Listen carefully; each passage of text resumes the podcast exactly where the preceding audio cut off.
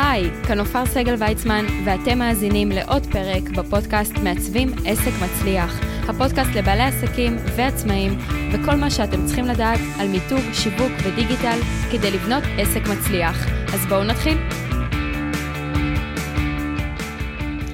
שלום לכולם וברוכים הבאים לעוד פרק בפודקאסט מעצבים עסק מצליח. היום נמצא איתי כאן מקס פרידמן.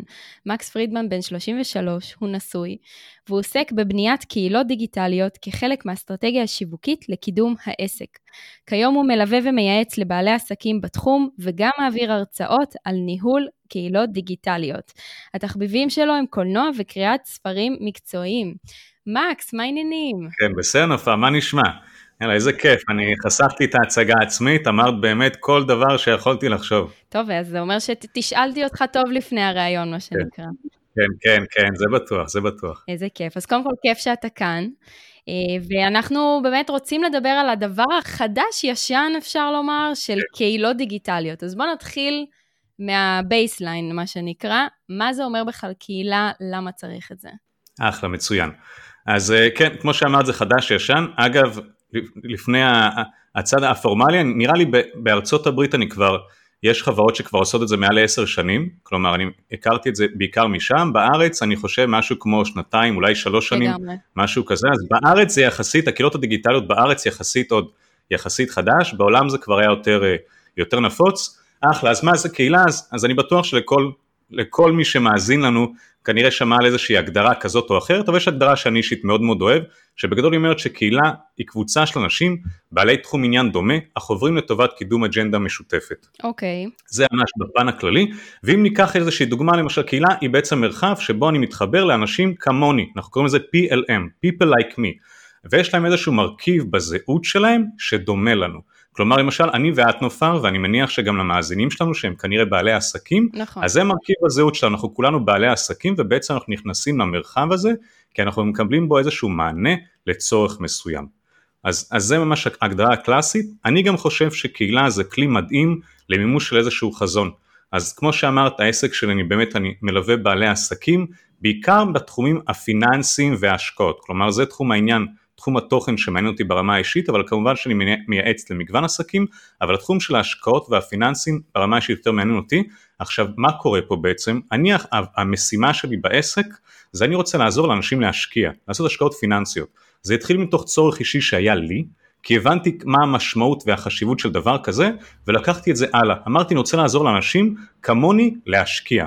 איך אני עושה את זה? אני עושה את זה באמצעות זה שאני נותן במה, אני ממנף בעלי עסקים, אנשים שמתמחים בתחומים האלה. בעצם אני עוזר לאנשי מקצוע טובים בתחום הזה. ואיך אני עושה את זה? אני עושה את זה באמצעות קהילות. הקהילה זה הכלי שלי לעזור לבעלי העסקים בתחום הפיננסיים, לעזור לאנשים אחרים, ללקוחות שלהם, להשקיע.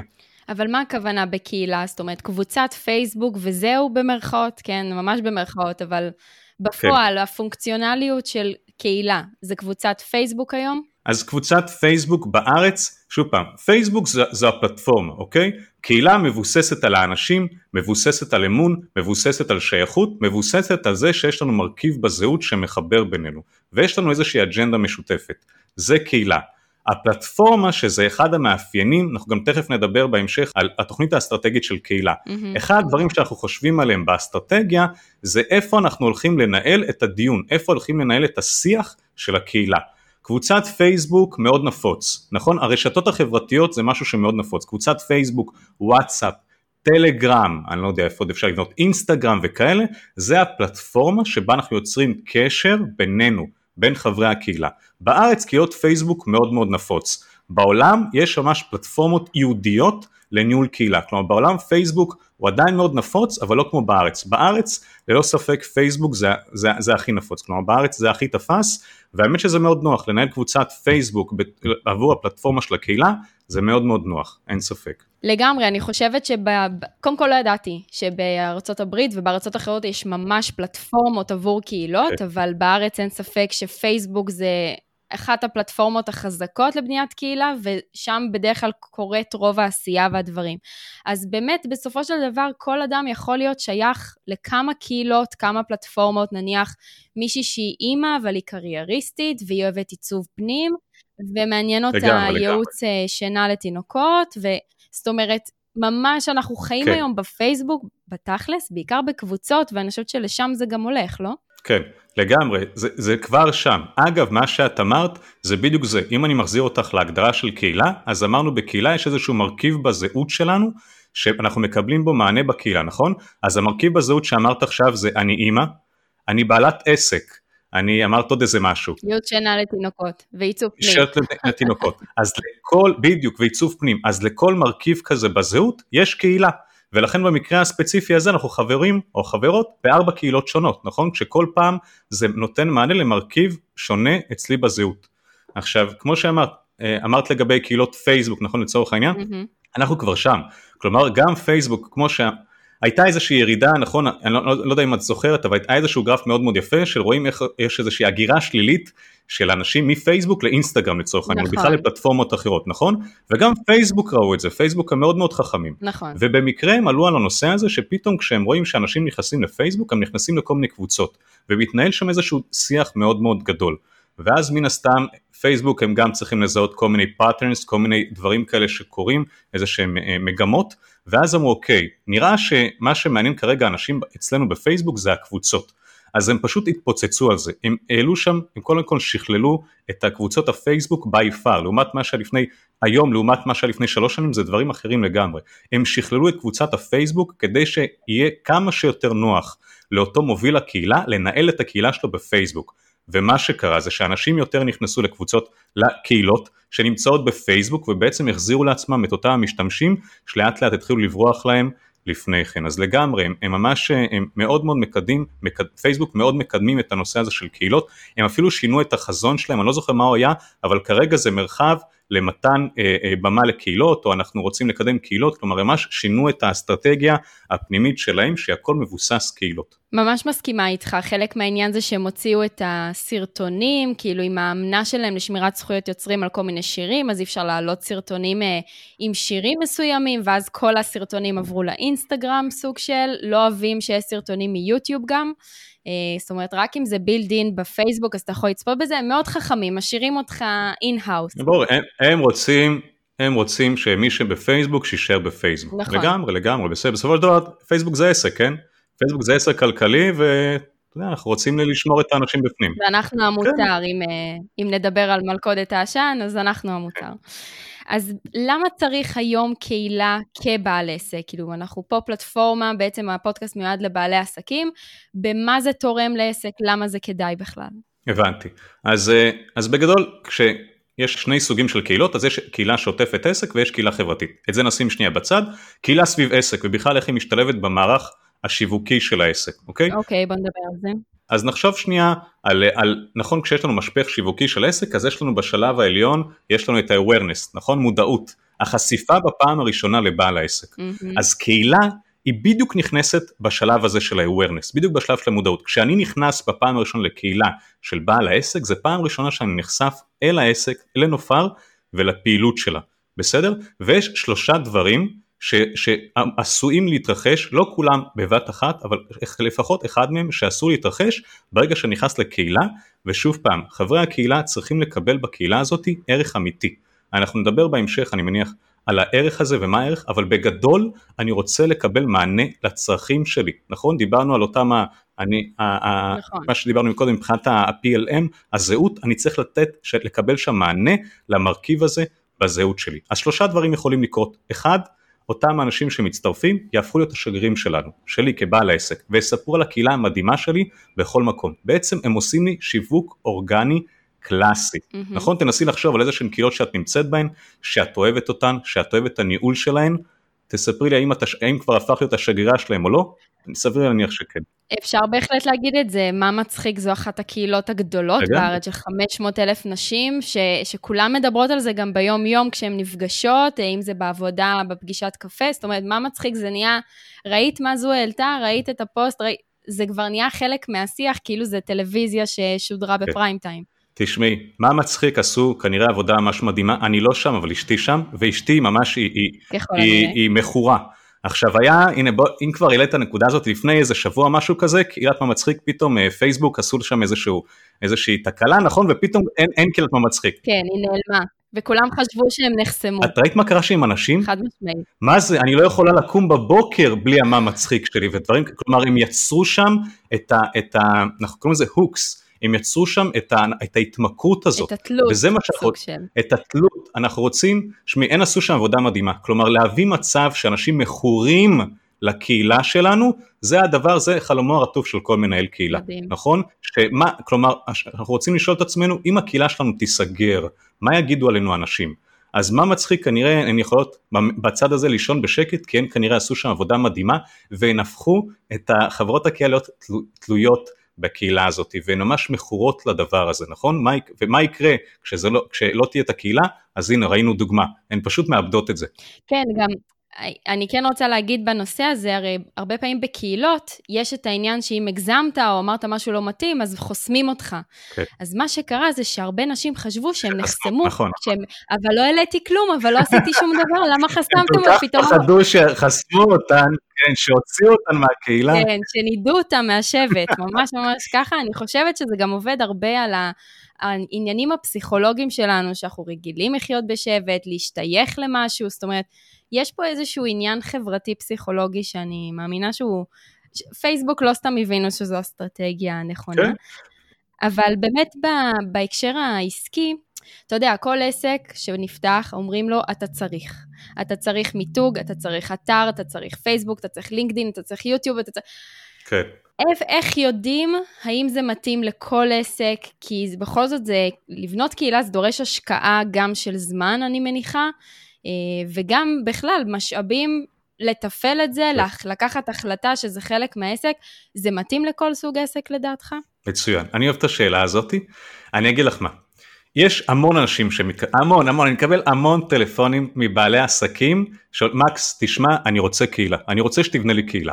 עכשיו אני כבר, אני כבר, את יודעת, אני כבר למוד ניסיון מהדברים האלה ובדרך כלל, אני לא רוצה, אני לא רוצה להגיד כולם, בדרך כלל אנשים שפונים אליי הם לא באמת מבינים מה זה לבנות קהילה. הם לא באמת מבינים מה זה אומר לנהל קהילה ולהשקיע ולעבוד בקהילה. אז תספר לנו.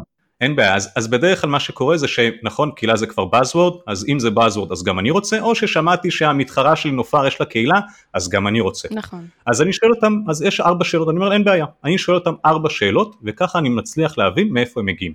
אז השאלה הראשונה שאני שואל אותם, תגיד, אתה מודע לכך שהתנעת קהילה זה תהליך שיכול לקחת מספר חודשים ולפעמים גם חצי שנה? האם אתה מודע לזה? כלומר זה השקעה לטווח ארוך, זה לא עכשיו זבנג וגמרנו ויש לי עכשיו קהילה תוססת, נכון. זה לוקח זמן להתניע קהילה.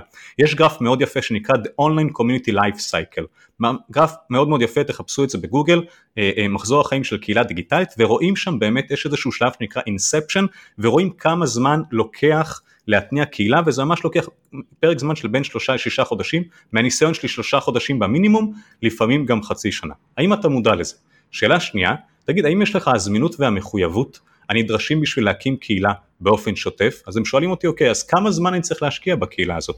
אז אני אומר אם אין לך לפחות בהתחלה לפחות השעתיים ביום אז אני אומר חבל הזמן, שעתיים ביום שבה אתה בהתחלה עובד על האסטרטגיה הקהילתית, אתה בונה את תוכנית התוכן שלך, אתה פונה לנופר ואומר נופר תשמעי אני, אני אוהב את מה שאת עושה, בואי תתחברי לה לקהילה, בואי תשתפי אצלי בקהילה, להתחבר עם אנשים, לדבר עם אנשים, לצרף אנשים, זה המון המון עבודה בהתחלה ואתם צריכים להבין את זה.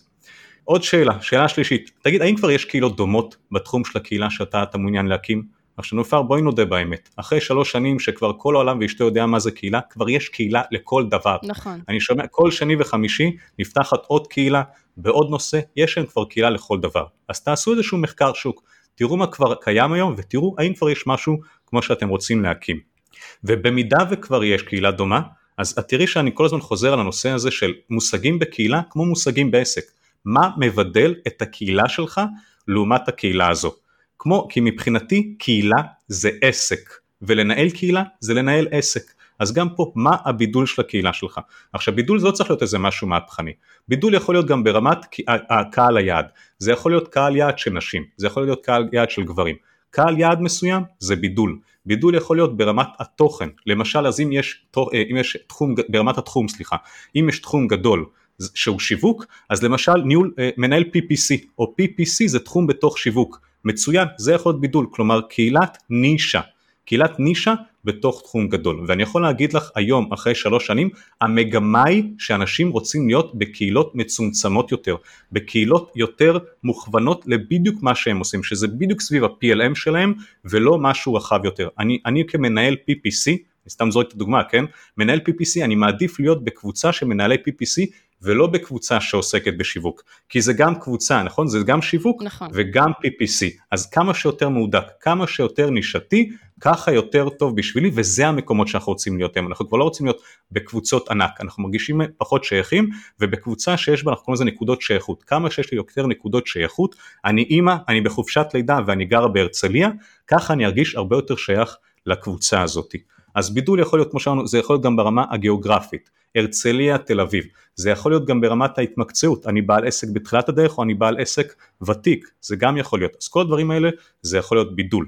עכשיו אם יש לכם את זה, go for it, לכו על זה, מצאתם איזשהו צורך ואתם לא רואים בו מענה קיים בקהילות הקיימות, לכו על זה בכל הכוח, אבל אם לא קיים בידול, אז הטיפ הכי טוב שאני יכול לתת לבעלי עסקים כאלה, עזוב, יש איזושהי קבוצה שאתה, בתחום הזה שאתה רוצה להקים, שאתה אוהב, יש קבוצה שאתה אוהב את הניהול בה, את השיח בה, את המנהלים בה, אתה מת על נופר, סליחה שאני משתמש בדוגמה שלך, אתה מת על נופר, מה שהיא עושה זה בדיוק מה שאתה היית רוצה לעשות לבד, תפנה לנופר, תגיד לנופר, תשמעי, הקהילה שלך מדהימה, אני רוצה לקחת חלק, אני רוצה להיות המומחה בתחום הקהילות בקהילה שלך, מה דעתך? ולרוב נופר בשבילה זה מדהים, וואלה מדהים, הנה אני מנהל את הקהילה לבד, מאוד מאוד קשה לי, בוא הנה עוד ידיים שיעזרו לי בניהול הקהילה. בעצם, במרכאות, כן, אני רוכב על הגל של נופר, נופר כבר עשתה את ההתנעה הראשונית, נופר כבר עשתה את העבודה השחורה של ההתחלה, זוכרים שאמרנו חצי שנה להתניע קהילה, היא כבר עשתה את העבודה הזאת, אז אני רוכב על הגל של נופר, ש... ואני בעצם חוסך לעצמי את ההתנעה הראשונית ואני בונה את האוטוריטה שלי בתוך קבוצה קיימת. אז זה ארבע שאלות שאני שואל אותם, ולגמרי אחרי זה הם כזה בדרך כלל הם בשוק, בסדר, אבל הם מבינים, אוקיי, עכשיו אני מבין יותר טוב מה זה אומר קהילה. יש עוד איזושהי נקודה אחת קטנה שחשוב להגיד בעניין הזה. הטעות הכי גדולה שאני רואה שמנהלי קהילה עושים בתחילת הדרך זה שהם רצים, רצים ישר לסוף. הם הולכים ישר לפתוח את קבוצת הפייסבוק, הם הולכים ישר לפתוח את קבוצת הוואטסאפ, ויאללה נופר בואי יש לנו קהילה מדהימה בואי תצטרפי. אבל שנייה אחת, מה שהם לא עושים זה הם לא מתכננים, הם לא בונים, הם צריכים הרבה לפני זה לבנות את התוכנית האסטרטגית של הקהילה שלהם.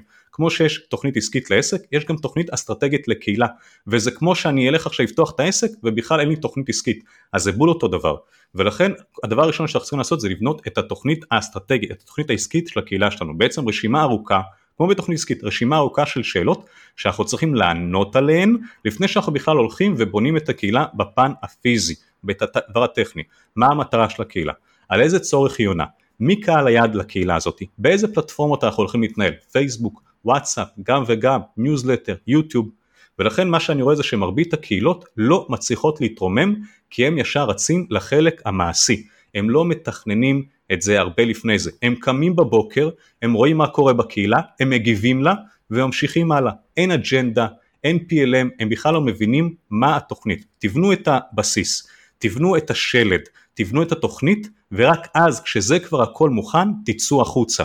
וכבר יש לכם תוכנית שנה קדימה, אתם יודעים בדיוק איך הקהילה שלכם הולכת להתנהל. ויש שתי מתודות מובילות בנושא הזה שיעזרו לכם לבנות את התוכנית האסטרטגית, יש מה שנקרא ה-Canvas הקהילתי, The Community Canvas, ויש מה שנקרא The 7 P's, 7P, ש- שבע אותיות P, כמו שיש בשיווק 7P's, mm-hmm. יש גם 7P's בקהילה, The 7P's של חברת CMX, האותיות CMX זה בעצם חברה שהיא גם מקדמת בארצות הברית כל התחום הזה של קהילות דיגיטליות, בדרך כלל בסטארט-אפים או בארגונים, אבל הם, הם, הם בנו מתודולוגיה מאוד מאוד יפה לבניית תוכנית אסטרטגית, אז תחפשו בגוגל, The Community Canvas או The 7P's של CMX, וממש תשבו ותתכננו את הקהילה שלכם. חייבת לציין שזה ממש נכון, ולגבי הבידול, הרבה פעמים זה דמות מעניינת, שאתה מאוד אוהב, כאילו מספיק שאתה אוהב את המנהל, את האטיטיוד שלו, או שהוא מתנסח בצורה מצחיקה, זאת אומרת, זה לאו דווקא מעניין אותך חברי הקהילה שנמצאים, כי אני, אני מאמינה שיש סוגי קהילות, ותכף תספר לנו, אבל באמת העניין הזה שלפעמים פשוט אתה מת על הבן אדם הזה, אוהב את הגישה שלו, אוהב את מה שהוא אומר, או מעלה אפילו פעם בשבוע, ו, ואתה לגמרי מתחבר אליו, או שזה מישהו שאתה רוצה להיות כמוהו.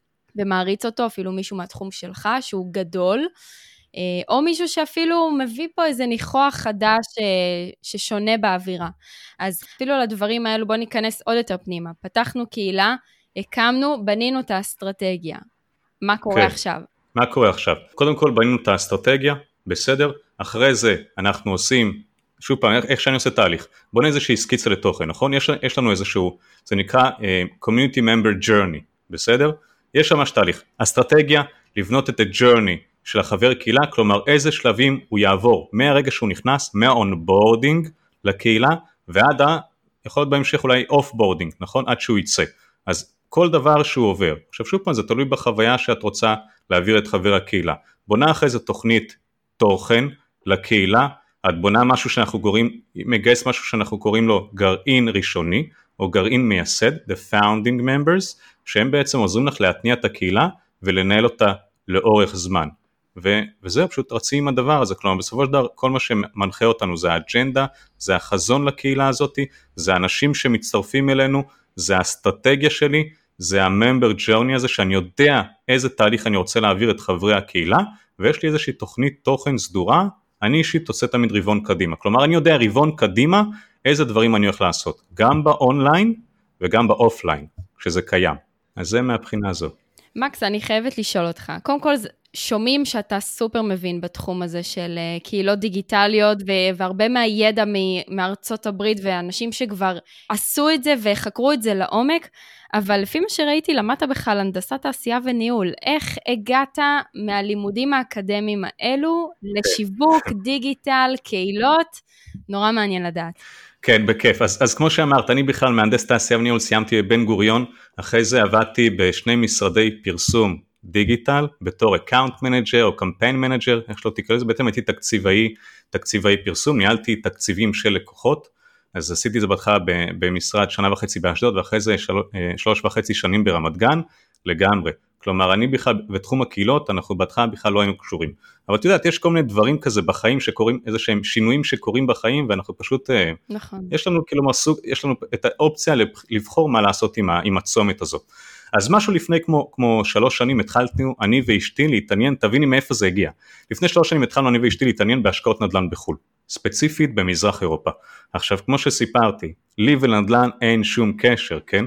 אז לקחתי איזה שהם שני קורסים בסיסיים בנדל"ן, וחוץ מזה חיפשתי ברשת, תחשבי זה לפני שלוש שנים, חיפשתי ברשת איזשהו מקור אותנטי, איזשהו גורם אותנטי שאני אוכל להיוועץ בו. בעצם חיפשתי את עצמי, בן אדם פרטי שכבר עשה את ההשקעת נדל"ן שלו במזרח אירופה, כי אמרתי מה, אני לא הראשון בעולם שעושה את זה, ובא להתייעץ איתו, בא לי לשאול אותו איך, אתה, איך עשית את זה, מה צריך לשים לב, כל, הסיכונים שיש בדרך, ולא הצלחתי למצוא שום דבר. כלומר כל מה שהיה זה היה איזה קבוצה או שתיים בפייסבוק, איזה דף פייסבוק ואיזה פורום בתפוז של אנשים, ש...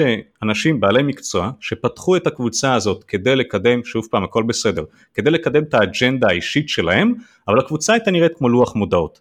וזה לא מה שחיפשתי, אז אמרתי מה זה, אז אם אין דבר כזה בוא אני אפתח. אז פתחתי איזושהי קבוצת פייסבוק, קראתי לזה פורום השקעות נדל"ן בחו"ל, ובעצם התחלתי לשאול שם כל מיני שאלות, כלומר עוד פעם פתחתי את הקבוצה הזאת בשבילי, לצורך האישי שלי, ומה שקרה שם זה פשוט הייתה התפוצצות, אני במקרה, במקרה ממש גיליתי שלהרבה מאוד אנשים כמוני, עוד אלפי אנשים שהצטרפו אחרי זה לקהילה הזאת, היה בדיוק את אותו הצורך שהיה לי, מדהים. וגם הם כמוני, חיפשו גורם אותנטי להיוועץ בו לגבי השקעות נדל"ן בחו"ל, כי יש, הייתה איזושהי הזדמנות ופשוט כולם היו צמאים למקור אותנטי, אנשים פרטיים, להיוועץ בהם, וזה לא היה. ואני הראשון שבמקרה פתח את הקבוצה הזאת, וזה פשוט התפוצץ. עכשיו משהו כמו, אני נשאבתי לזה, תחשבי שאני שכיר במשרד פרסום, עכשיו נקודת הזמן היא כזאת, אני כבר שחוק, אחרי חמש שנים נשחקתי, אני כבר עוד, עוד יום אחד אני מגיע למשרד ואני מתפוצץ, אני כבר באמת מיציתי את זה. אז נשאבתי באמת כמעט ברמה של משרה מלאה, פול טיים ג'וב בקהילה הזאת, נשאבתי לזה והלכתי, ואת יודעת, לא, לא, לא, לא ידעתי מה זה קהילות, אז הלכתי ולמדתי, והלכתי לכל קורס אפשרי, ולסדנה, ונרשמתי לבלוגים וממש לימדתי את עצמי. נשאבתי לדבר הזה, ומשהו כמו שנה אחרי שאני מנהל את הקהילה הזאתי, אני אקבל מייל. עכשיו במייל, המייל נשלח מאיש מקצוע מתוך הקהילה, בתחום הנדל"ן, ובדיוק כמה ימים לפני זה אני אירחתי אותו, הוא העביר, הוא העביר אה, הרצאה לכמה מחברי הקהילה בתחום שלו, הוא יזם נדל"ן, ובמייל יש לו כותרת ואין גוף למייל, וככה זה הולך, מקס פסיק, גם אני רוצה, סימן קריאה, זהו, זה המייל, אז אני שולח לו, מה גם אתה רוצה? אז הוא אומר לי, מקס, אני רוצה שתבנה לי קהילה כמו שלך. עכשיו אני מזכיר לך, אני שכיר, אני מה, את יודעת, אני בניתי לעצמי קהילה, אבל מה, מה לי ולקהילות של אחרים? ובדיוק זאת נקודת הזמן שחשבתי לעצמי. יש לי פה הזדמנות, אני פה בצומת, מה אני עושה? אני כבר מת כן. לעזוב את העבודה הקודמת שלי, ויש לי פה באמת הזדמנות לעשות משהו שאני מאוד מאוד רוצה. אז אמרו שיש חששות, אבל הלכתי על זה. אמרתי לו, יאללה, אני עושה לך את זה, ובאמת לימים הוא היה הלקוח הראשון שלי, התפטרתי מהעבודה שלי, ומאז זה מה שאני עושה, מאז אני עצמאי בתחום של הקהילות, כמו שאמרתי, תחום, התחום שלי זה, המיקוד שלי זה בהשקעות ופיננסים, כי זה המשימה האישית שלי, אבל לאט לאט פשוט אתה מגלה עולם שלם של קהילות, אז זהו זה, מאז אני שם אה, בכל הכוח. זה מדהים, זה מדהים איך לפעמים אנחנו נמצאים באמת באיזושהי צומת, והרבה פעמים זה קורה לבעלי עסקים, שזה פשוט לקחת את הרגליים ולצאת החוצה, אני קוראת לזה, כאילו לצאת לעצמאות. אה, מדהים, כי אני חושבת שקודם כל יש לזה ממש צורך, אה, אנשים תמיד רוצים ללמוד ממישהו שכבר עשה את זה, כמו שהוא פנה אליך, אה, כן. כי יש לך קהילה כזו והוא רוצה גם, אבל איך מגיעים למצב הזה שקהילה מתפוצצת? כן. כאילו יופי, פתחתי, הרמתי, פתח, יש אסטרטגיה, הבנ... איך אנשים מגיעים, איך אני מגיעה לאנשים, זה, זה נראה לי עיקר העבודה, לא? מצוין, אז, אז אני אגיד כבר מראש, אין פה קסמים, כן? כלומר, אה, זה לא שקהילה, קהילה התפוצצה כי באמת, שמי, לפני שלוש שנים קהילות זה עדיין לא היה נפוץ. כלומר, אז כל מי ש... זה כמו שהיה בבועת הדוט קום, כל מי שפתח סטארט-אפ, אנשים עפו עליו. אז לפני שלוש שנים זה היה יותר קל, היום כבר יש רוויה, היום יותר קשה, אולי אפילו נספיק לדבר על זה היום, אבל בגדול איך אני מצרף עכשיו אנשים, איך אנשים נחשפים לקהילה שלי. אז אין פה פתרונות קסם, זה עבודה. זה מתחיל במעגלים הקרובים שלנו, אוקיי? אני הנטוורק האישי שלי, זה הרשתות החברתיות שלי, אני מפרסם את הקבוצה בפרופיל, בדף העסקי שלי, בקבוצות טלגרם, בוואטסאפ, עשיתי שיתופי פעולה עם קבוצות בתחום הפיננסי בעצם עשינו למשל איזשהו אירוע משותף ושם הוא, הוא חשף את הקבוצה שלי בפני החברים שלו והחברים שלו נחשפו והחברים שלי נחשפו בפני הקבוצה שלו יש קבוצה למנהלי קהילה היום, היום הדבר הזה כבר מאוד נפוץ, כלומר יש קבוצה למשל שנקראת Community Forward, אם את מכירה קבוצת פייסבוק, שזה בעצם קהילה למנהלי קהילה, וכל המטרה שלהם זה להרים למנהלי קהילה חדשים. אז את יכולה לבוא ולעלות לשם פוסט הצגה עצמית, להגיד מה את עושה, והנה תצטרפו אליי לקהילה אם התחום הזה מעניין אתכם. לינקדין, פה לאוזן, רשימות תפוצה, ניוזלטר, אם יש לכם אנשים שממש אני שולח את הניוזלטר, חברים, פתחתי קהילה וכזאת וכזאת, זה מה שקורה שם, אם זה מעניין אתכם, הנה לינק לקבוצה. יש עוד משהו שנקרא גרעין ראשוני, תכף נדבר גם על זה, אבל בגדול מעגלים ראשונים שלנו. הקסם הוא, זה לא באמת קסם, אבל הקסם הוא חבר מביא חבר. עכשיו המטרה היא שמשהו שוב פעם, שיהיה איזשהו value שחברי הקהילה מקבלים בקהילה, וברגע שאני מקבל איזשהו value ייחודי, הדבר הראשון שאנשים עושים זה לשתף את החברים שלהם, נכון? נכון. אז חבר שמביא חבר, כלומר שוב פעם, זה מתחיל במעגלים הראשונים שלי, ואז זה עובר למעגלים של שאר האנשים, למעגלים השניים והשלישיים, של החבר מביא חבר, שמביא חבר, שמביא חבר, בעצם יש באיזשהו שלב איזשהו כדור שלג כזה, ושם באמת, באמת קורית ההתפוצצות הזאת שאנשים מתחילים להזמין את החברים שלהם. אני רוצה לספר על איזשהו מקרה promotion שראיתי לא מזמן, יש איזושהי קהילה בלינקדין אגב, אני רק אתן, אתן איזשהו דגש לגבי קבוצות בלינקדין. קבוצות בלינקדין פחות תפסו בארץ, פייסבוק הרבה יותר. נכון. קבוצות בלינקדין לפי מה שאני הבנתי, אני קצת חקרתי את הנושא, הממשק משתמש שם הוא פשוט פחות נוח, גם למנהלי קהילה וגם לחברי הקהילה. אני לא יודע באמת אם זה נכון, אבל מישהי פעם השוותה את, את הפונקציונליות בלינקדאין לפונקציונליות בפייסבוק, כמו שאנחנו Windows 10 לעומת Windows 95. אה, חשבתי שאתה רוצה להגיד iOS לעומת אנדרואיד. האמת שאני מניח שאת iOS, אני לא יודע, אבל... כן, אה, ברור. כן, אז אני אנדרואיד, אבל אני מבסוט דווקא. אז, אה, אז ברמה של Windows 10 לעומת Windows 95. אני לא יודע אם זה מוקצן, אבל ברמה כזאת, ממשק המשתמש הוא לא, עדיין לא נוח שם. לינקדאין עובדים על זה, אבל כרגע פייסבוק לגמרי משאירים להם אבק בנושא הזה של הפונקציונליות המותאמת למנהלי קהילה. אבל לא משנה, הם פתחו קהילה שנקראת קהילת מומחי לינקדאין בישראל, שני חבר'ה, כמובן שזה בלינקדאין, כי אם אתה מלמד לינקדאין אז תעשה קבוצה בלינקדאין, ומה שהם עשו מאוד מאוד יפה, הם שני חבר'ה, הם אלופי העולם בלינקדין ומה שהם עשו הם פשוט פיצצו את הקבוצה בטיפים אדירים איך אני משפר את פרופיל הלינקדין שלי בצורה מקצועית יותר. עכשיו תחשבי אם רצו עם זה איזשהו חודש, הצטרפו שם נגיד כמה מאות אנשים ואז אמרו יאללה חברים אנחנו רוצים לעשות promotion, אנחנו רוצים להגיע למעגלים רחוקים יותר. מישהו, מי רוצה לקחת חלק ב promotion שלנו? ו-40 איש אמרו כן, אנחנו ניקח. הם בנו באנר, מה זה מגניב, לכל אחד מהחברים שרצו להצטרף, באנר כזה עם תמונה של נופר להגיד לצורך העניין, ואיזשהו ענן מגניב כזה, ובתוך הענן היה רשום איזה מוטו, או מה את עושה, או, או בואו תצטרפו לקהילת אה, מומחי לינקדאין בישראל, והם אמרו להם, תקשיבו, תעלו עכשיו פוסט, כולם באותו יום, תעלו פוסט בפרופיל הלינקדין האישי שלכם, בואו תספרו על עצמכם, בואו קודם כל הנה, כבר הזמנתם הרבה אנשים ל network שלכם, בואו תציגו את עצמכם ועל הדרך גם תיתנו איזה מילה טובה לקבוצה ותזמינו אותם עם לינק. גדול. ותחשבי שבאותו יום 40 איש העלו פוסט דומה בנושא הזה עם באנר שאתה באמת, אתה מרגיש גאווה לשתף את הבאנר הזה כי הם עיצבו אותו מאוד מאוד יפה, כלומר מנהלי קהילה מאוד חכמים, mm-hmm. הם נתנו לך, רק תעשי, הם נתנו לך את כל העזרים, ממש הקלו עלייך להעלות את הפוסט הזה ותחשבי שהפיד שלי באותו יום התפוצץ בעננים, כל הפיד שלי מלא בעננים גדול. ופשוט זה כל כך סקרן אותי שאמרתי אני חייב להיכנס לקבוצה, נכון? ואני חושב באותו יום הם צירפו מעל לאלף חברים לקהילה הזאת. אני מקווה שאני לא טועה, אבל לפי דעתי הם צירפו באותו מעל אלף חברים, כי פשוט לכולם הפיד התפוצץ בעננים. אז מרוב הסקרנות נכנסת ותש... ותשמעי, הם עושים יופי של עבודה. אז שוב פעם, יצרו קצת ערך בקבוצה, באמת השקיעו בה, והם נעזרו בחברים הקיימים, בואו תספרו לחברים שלכם. וככה זה קורה. אתה יודע, זה מזכיר לי את השלטי חוצות שהיו לדעתי לתנובה פרו.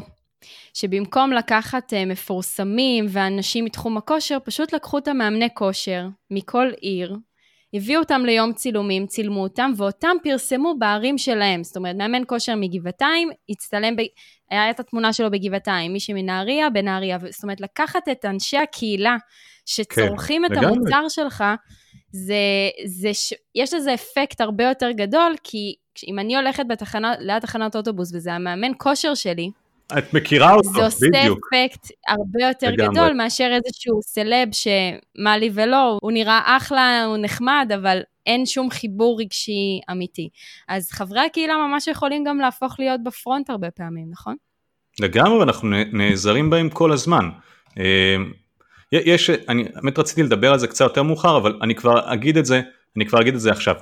יש איזה משהו שנקרא עקומת המחויבות, בסדר? ככל שאני יותר מחויב למשהו, אז אני מרגיש, סליחה, ככל שאני, אז אני מרגיש יותר שייך אליו, mm-hmm. בסדר? אז אני, אני ארצה לדבר על זה אחרי זה, אנחנו נדבר קצת על engagement, אבל אז אני, אני ממש מקדים את המאוחר. מהניסיון שלי, תיתנו לחברי הקהילה שלכם כל הזדמנות לתרום לקהילה, כל הזדמנות לעצב את הקהילה, כל הזדמנות להביע את עצמם בקהילה. למה? כי כשאני משקיע במשהו, I'm invested, אז אני מרגיש שהדבר הזה קצת שייך לי, נכון? נכון. אם אני משקיע בקהילה, אני מרגיש שהקהילה קצת שייכת לי, וכשאני מרגיש שמשהו קצת שייך לי, אני מרגיש יותר מחויב אליו, אני מרגיש יותר, אוקיי, בואו תצטרפו, אני גם חלק מהדבר הזה, וברגע שאני מחויב לקהילה, זה בדיוק המצב שאני רוצה להביא את חברי הקהילה שלי. בסדר? נדבר אחרי זה קצת על engagement, אני ממש אשמח, אבל שם בדיוק אני אתן דוגמאות איך אנשים עושים את זה בצורה מאוד מאוד יפה, אבל באמת תנו הזדמנות לחברי הקהילה שלכם לקחת חלק פעיל בקהילה, הם מאוד אוהבים את זה, הם רוצים לתרום, תנו להם את האופציה לתרום. מהניסיון שלהם, זה, זה, זה יעשה פלאים לקהילה שלכם, וכמו שאתם תראו, הם יצרפו לבד, הם יהפכו את השגרירים שלכם ויצרפו את החברים שלהם לקהילה שלכם. אז במקרה השאלה הבאה היא בדיוק על זה. לא הקדמת את המאוחר. יאללה, מצוין. אינגייג'מנט, חובה, חובה לדבר על engagement, על מעורבות כן, בקהילה. נכון, בכלל, רק נדבר על מהי מעורבות בכלל, שזה בעצם כל הלייקים, התגובות, הפוסטים שהחברי הקהילה יוזמים. זאת אומרת, או מגיבים, נכון, למשהו שמנהל הקהילה העלה, או איזשהו פוסט, אמ, אבל מצד שני גם מרגישים צורך, זאת אומרת, מעלים פוסטים מעצמם או משתפים בהתלבטויות. איך, איך באמת אה, מייצרים את זה באופן רציף, שאין את הפיקים האלו של אה, up and down. מצוין, מצוין. אז, אז אגב, engagement זה יכול להיות כל דבר. מספיק שבן אדם צופה באיזושהי כתבה, באיזושהי, באיזשהו פוסט שלי, הוא כבר יחסית engage, נכון? יש רמות של engage, יש אנשים שהם צופים מהצד, בדרך כלל זה יהיה אחוז מאוד גבוה מהאנשים, ויש את האנשים שהם יותר יוזמים ויותר פעילים, בין אם זה פוסטים, לייקים, shares, תיוגים, השתתפות באירועים, זה לגמרי engagement. יש אנשים אצלי בקהילה שלא ראיתי אותם מעולם, מעולם אה, מגיבים, מעולם זה, אבל הם מגיעים לכל האירועים, הם סופר engaged, הם שם, וזה גם בסדר גמור, כלומר הם engaged גם באונליין וגם ב offline. מצוין, אז בוא נדבר מעורבות, תעשי טובה, תזכיר, יש לי איזושהי נקודה בנושא הזה של איך קהילה תורמת לבעלי עסקים שאני חייב להגיד, כי זה סופר סופר חשוב, אז תזכיר לי ככה בסוף, אחרי ה engagement, מצוין. אז האתגר הכי גדול של מנהלי קהילה זה ה engagement, זה המעורבות בקהילה. ואני יכול להגיד לך שאותה חברת CMX שדיברתי עליה מקודם במתודולוגיה, אז הם עשו סקר בשנת 2019 ששם הם סקרו 533 מנהלי קהילה ברחבי העולם.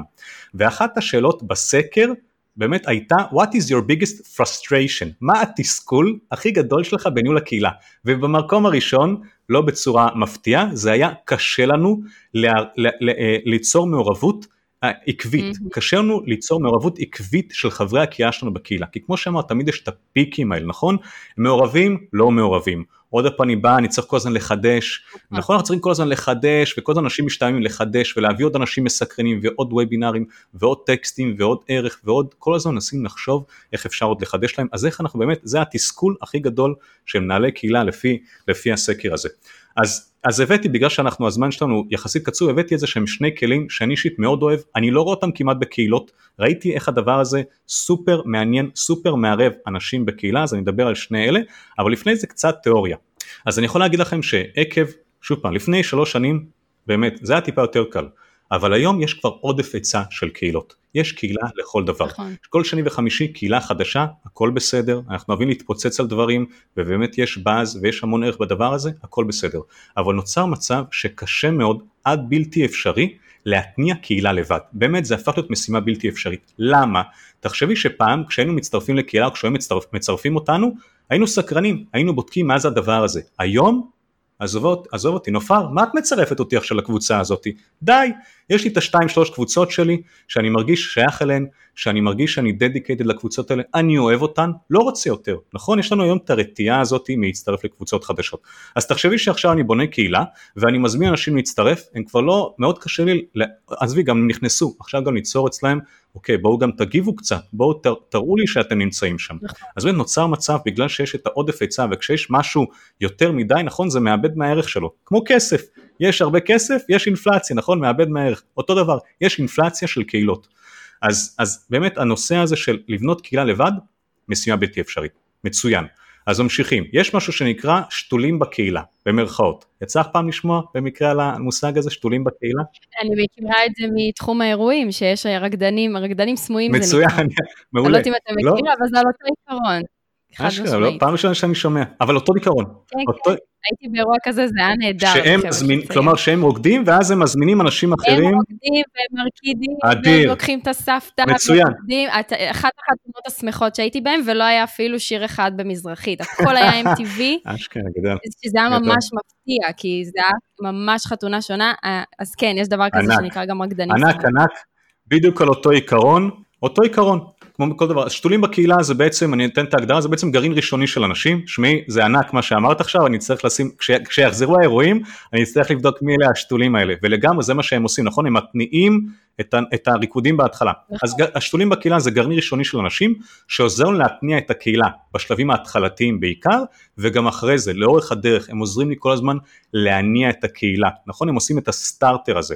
בדרך כלל זה אנשים או שהם מקורבים אליי, אנשים שהם מקורבים אליי ורוצים לעזור לי לקדם את הקהילה, או שאנשים שהם אנתוזיאסט, כלומר אנשים שהם מעריצי התחום, מעריצי תחום ה-PPC, השיווק, נתקע לי עם ה-PPC, ה design, לא משנה, הכל. אני לא יודעת אם כולם יודעים מה זה PPC, תן רגע. PPC זה pay per click, זה, זה בעצם קידום ממומן, קידום ממומן ברשתות החברתיות, קידום ממומן בגוגל, קידום ממומן בפייסבוק, צודקת, שכחתי.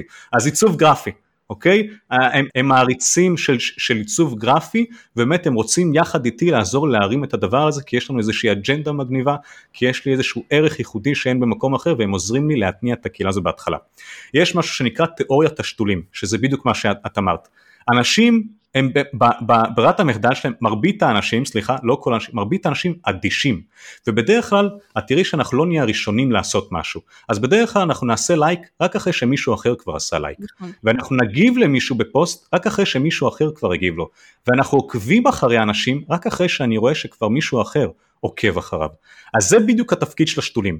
התפקיד של השתולים, בגלל שאני מבין את הנושא הזה שאנשים בדרך כלל לא יהיו הראשונים לעשות משהו, התפקיד של השתולים זה להיות הראשונים לכל דבר. להתניע, זה כן. נופר, להתניע, זה נופר תעלה פוסט, אני מגיב, נופר תגיב, משה יגיב, חיים מגיב וכולם שתולים, ואז לאט לאט יתחילו ראשים חדשים, פרצופים חדשים לצוץ ולהגיב לפוסט הזה. אחלה, אז אחרי שהבנו את התיאוריה הזאתי, אני נותן את הכלי הראשון. AMA, ask me anything. תשאלו אותי הכל.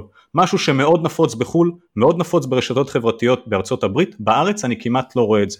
AMA ask me anything, אני אתן דוגמה לקהילה שנקראת מתחבטי מקצוע, אני לא יודע אם את מכירה, אבל זו קהילה שהיא עוסקת בכל עולם התעסוקה, תחום התעסוקה בעולם החדש, או, או התעסוקה בעולם החדש, או משהו כזה, ומנהל את הקהילה שם כל שבוע משהו כזה כל שבוע כל שבועיים הנה סוג של טקסים נכון? אנחנו אומרים שבקהילה תמיד יש טקסים כלומר פעולות חזרתיות אז אחד הטקסים שלה זה שהיא מארחת כל שבוע אם אני לא טועה סליחה אם, אם היא שומעת אותי אני לא זוכר מה התדירות אבל נגיד כל שבוע היא מארחת בן אדם מאוד מעניין היא מארחת נגיד מנהל קהילה שהוא בא והוא מציג את עצמו בפוסט הוא קצת מספר מה זה התפקיד שלו מוזמנים לשאול אותי הכל. Ask me anything. ומה שקורה בהתחלה זה שמנהל את הקהילה מנהלת הקהילה והשתולות שלה, הן כנראה מביאות כמה שאלות מהבית, והן מתחילות לשאול את השאלות 4, 5, 6 שאלות, והופה, פתאום מקס שואל שאלה, הופה, פתאום נופר מצצה משום מקום שואל שאלה, והפוסטים האלה פשוט מתפוצצים. כלומר, אנשים כל כך אוהבים את הנושא של ה-AMA, תכף אני אסביר גם למה, אבל כל פוסט של זה תמיד מאות תגובות, מאות לייקים, אנשים מאוד מאוד אוהבים את הסוג הזה של הפוסטים, אוקיי? וכמו שאמרתי, יש בהתחלה את השתולים ואת המנהלת קהילה שעושות את ה starter, אוקיי? אפשר להשתמש בזה בכל סוג של פוסט, יש איזשהו starter ואז כל השאר מצטרפים. עכשיו הם עושות את זה בצורה מאוד אלגנטית, כן? זה לא נראה פיקטיבי לחלוטין, זה כאילו פיקטיבי, כן, שאלות שאלות אמיתיות, אבל זה כאילו fake it till you make it, נכון? הן עושות את זה בשביל לעשות את הסטארטר, ואז הן מניעות את האנשים לשאול שאלות. עכשיו אני בדקתי למה אנשים אוהבים את זה, ומה שאני הבנתי זה למשל אני ואת עכשיו עושים את הפודקאסט הזה, נכון? את הוובינר, או לא משנה מה שזה יהיה. נגיד עכשיו שעה של תוכן, ואני עכשיו מישהו שמאזין לפודקאסט הזה, וואלה יש לי שאלה בראש, ועכשיו מקס בלבל את המוח במשך שעה, ווואלה לא ענה לי על השאלה. שעה שלמה לא ענה לשאלה, או שעכשיו אני בוובינר ויש לי איזושהי שאלה ועד שההוא הגיע, המרצה הגיע לנושא, של, לחלק של השאלות וזה אני כבר שכחתי מה רציתי לשאול. ואני יוצא לא מסופק, מה יפה ב-AMA? אני בא, שואל את השאלה שלי, מקבל מענה נקודתי ופרטני לשאלה וממשיך בדרכי. ואנשים אוהבים את זה כי יש להם תמיד, יש להם, יש להם את הבחירה לשאול מתי שהם רוצים, לקבל את המענה ולהמשיך בדרך שלהם ואנשים מאוד מאוד אוהבים את זה, יופי של דבר, אני כמעט ולא רואה את זה בקהילות, מאוד ממליץ לכם להשתמש בדברים האלה. אני עוצרת אותך רגע כי אני רוצה לשתף שגם פה בפודקאסט כל פרק שני זה ש... שאלה טוב ששאלת. זאת אומרת, יש לכל המאזינים פה אופציה, נניח דיברתי על משהו, הם לא הבינו עד הסוף, או שפתאום נתקלו באיזושהי שאלה, אחלה, לכל פרק הזה מצורף שאלון, אנונימי, לא אכפת לי באמת מי אתם, אני לא צריכה לדעת אה, מי שמתבייש, והוא פשוט שולח, משגר לי את השאלה עם שם ומה העיסוק שלו ומה השאלה. השאלות שהן הכי רלוונטיות ו- וטובות וככה יכולות לעניין את כולם, הן אלה שעולות פה לפרקים. זאת אומרת, זו הדרך שלי בקהילה של הפודקאסט לתקשר בעצם עם מאזינים, כי בסופו של דבר בפודקאסט, חוץ ממי שנמצא בקבוצת הקהילה בפייסבוק, אני לא באמת יודעת, יש אנשים מכל העולם שמאזינים ואני מקבלת פה ושם פידבקים, אבל אני, אין לי דרך לאמוד מי באמת אה, צופה ובין כמה, מאזין סליחה, ובין כמה וכדומה, אז השאלון, הפינה טוב ששאלת זה בדיוק זה, פשוט בפורמט מן הסתם קצת אחר. כאילו, תשאלו, תשאלו אותי מה שאתם רוצים, שאלה טובה, תעלה פה כפרק. תעלה פה כפרק, מצוין. אז אנחנו לקראת הסוף עוד פעם תזכירי לי, את בעצם בודקת מה הצרכים של חברי הקהילה שלך. את מעלה שאלון, שזה אחד הכלים להבין את הצרכים של חברי הקהילה ולתת להם מענה. זה בדיוק זה. כן. בסדר? אחלה. כלי שני, זה גם משהו שאני רואה במעט מאוד קהילות, ואני מניח שאת גם מכירה את מי שעושה את זה אה, אה, הרבה פעמים. קבצים שמרכזים ידע או מרכזים כלים במקום אחד, אוקיי? משהו שמתפוצץ, אנשים מאוד אוהבים שמנהל קהילה משקיע. אני אתן שנייה קצת רקע לנושא הזה ואני טיפה אחפור את זה לעומק. אני מוביל הרבה קהילות, אני מנהל הרבה קהילות, אני בודק הרבה קהילות, אני מסתכל על קהילות, ואם יש דבר אחד שמייחד או שהוא משותף, זה המכנה משותף לכל הקהילות שהצליחו לאורך זמן, זה מנהל קהילה שמשקיע בחברי הקהילה שלו, שעובד בקהילה שלו. כל הדברים שאנחנו מדברים פה הם טכניים, שאלונים, כלים, מה אני צריך להסתכל, זה טכני. בסופו של דבר, מה שגורם לקהילה להצליח לאורך זמן, זה מנהל קהילה שהוא דדיקייטד לקהילה. בסדר? אז ניקח את הדבר הזה של קבצים שמרכזים ידע או מרכזים כלים, ויש פה שתי אפשרויות. או שזה משהו שאני מכין לבד, איזשהו קובץ שמכיל אה, עשרות אתרים או, או משהו שקשורים לת, לתחום של הקהילה, או קבצים שיתופיים. עכשיו אני, קבצים שיתופיים שאני בונה יחד עם חברי הקהילה. ואני אתן כמה דוגמאות. אז אני מנהל קהילה בתחום של השקעות נדל"ן בחו"ל, עכשיו תחשבי יש לא יודע, יש המון מדינות ש, שאפשר להשקיע בהן בנדל"ן, נכון? לכל מדינה יש את המיסים שלה, לכל מדינה יש את העלויות שלה, לכל מילה יש את אה, אנשי המקצוע שלה, אז תחשבי שכל הזמן היו עולות שאלות באופן פרטני, כמה עולה רואה חשבון בפולין, סתם לצורך העניין. כן. אז אמרתי עזבו את זה, פתחתי גוגל שיט, כל טאב זה מדינה, ופתחתי בכל מדינה כזאת טבלה, ששם ממש כל הקריטריונים, כמה עולה רואה חשבון, כמה עולה אה, עורך דין, כמה עולה מטר רבוע באזור X, מהו המס הרכישה, מה המיסים, ממש רשימה ארוכה של פרמטרים שכל הזמן היו שואלים ופתחתי את הקובץ הזה לחברי הקהילה ואנחנו כולנו יחד בנינו את הקובץ אז יש לי עכשיו קובץ שיט עם משהו כמו 25 או 30 מדינות מדהים. שיש בהן את כל הפרמטרים שמישהו צריך לדעת לגבי הנושאים האלה שקשורים להשקעות נדל"ן בחו"ל ואנשי המקצוע עכשיו תחשבי כמה השקעה הייתה בדבר הזה, עד היום אנשים משתמשים בזה ואנחנו עפים על זה וכל פעם שמישהו רואה את הקובץ אומר לי בואנה מקס זה קובץ מטורף.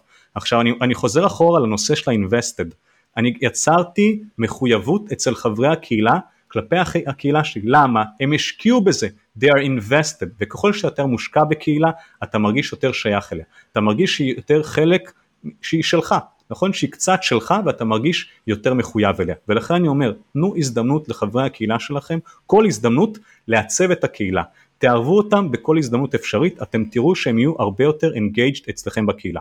עוד דוגמה יש קבוצה שנקראת חובבי קולנוע VIP אני עצמי חובב קולנוע מושבע והיה שם איזה ראיון מה זה מגניב שמישהו העלה פוסט אני לא יודע אם זה יצא בסוף לפועל אבל הרעיון הוא כזה בואו נערוך ספר שמכיל את כל הסרטים שהשפיעו על החיים שלנו. כל, כל אה, חבר קהילה פשוט עושה דף שבו הוא שם תמונה של הסרט, שם תקציר, איזושהי סקירה קצרה של הסרט ואת השם שלו נגיד לצורך העניין. ואז בעצם יש לנו ספר שלם עם רשימה של ספרים בכל מיני קטגוריות וכל הספרים האלה זה ספרים שהשפיעו על החיים שלי. כלומר סרטי, סרט, סליחה, סרטים שהשפיעו על החיים שלי. מדהים. ממש ספר ואז נגיד אני רוצה עכשיו, אני, אני, אני עכשיו יש לי איזשהו ערב עם אשתי ואני רוצה לחשוב על איזשהו סרט מדע בדיוני, אז יש לי ממש ספר שאני יכול להיכנס ולראות איזה סרטים יש בקטגוריה של מדע בדיוני וזה ספר שבנו חברי הקהילה. רעיון מדהים. ככה אני משתף את חברי הקהילה בפרויקט משותף. אחלה, יש עוד בחורה בשם צופית, היא העלתה עכשיו כל מה שקשור לניהול מפגשים וירטואליים זה הדבר, כל שני וחמישי נפתחת עוד פלטפורמה לניהול של מפגש וירטואלי, נכון? אז היא ריכזה, היא עשתה ממש קובץ וריכזה בתוכו את כל הפלטפורמות והאפליקציות שהן עוזרות לניהול מפגש וירטואלי. אין רק זום, כן, יש כבר המון המון אה, אה, אפליקציות כאלה ואתרים וגם כל מיני דברים שהם עוזרים לנו לנהל מפגש וירטואלי בצורה אינטראקטיבית יותר, זה קהוט mm-hmm. וכל מיני אפליקציות מגניבות כאלה שאפשר להכניס סקרים ושאלונים וכל מיני דברים כאלה שאפשר להכניס בתוך מפגש וירטואלי, ממש ריכזה קובץ שלם של כל הפלטפורמות, מדהים. בחור בשם נאור נרקיס, את מכירה?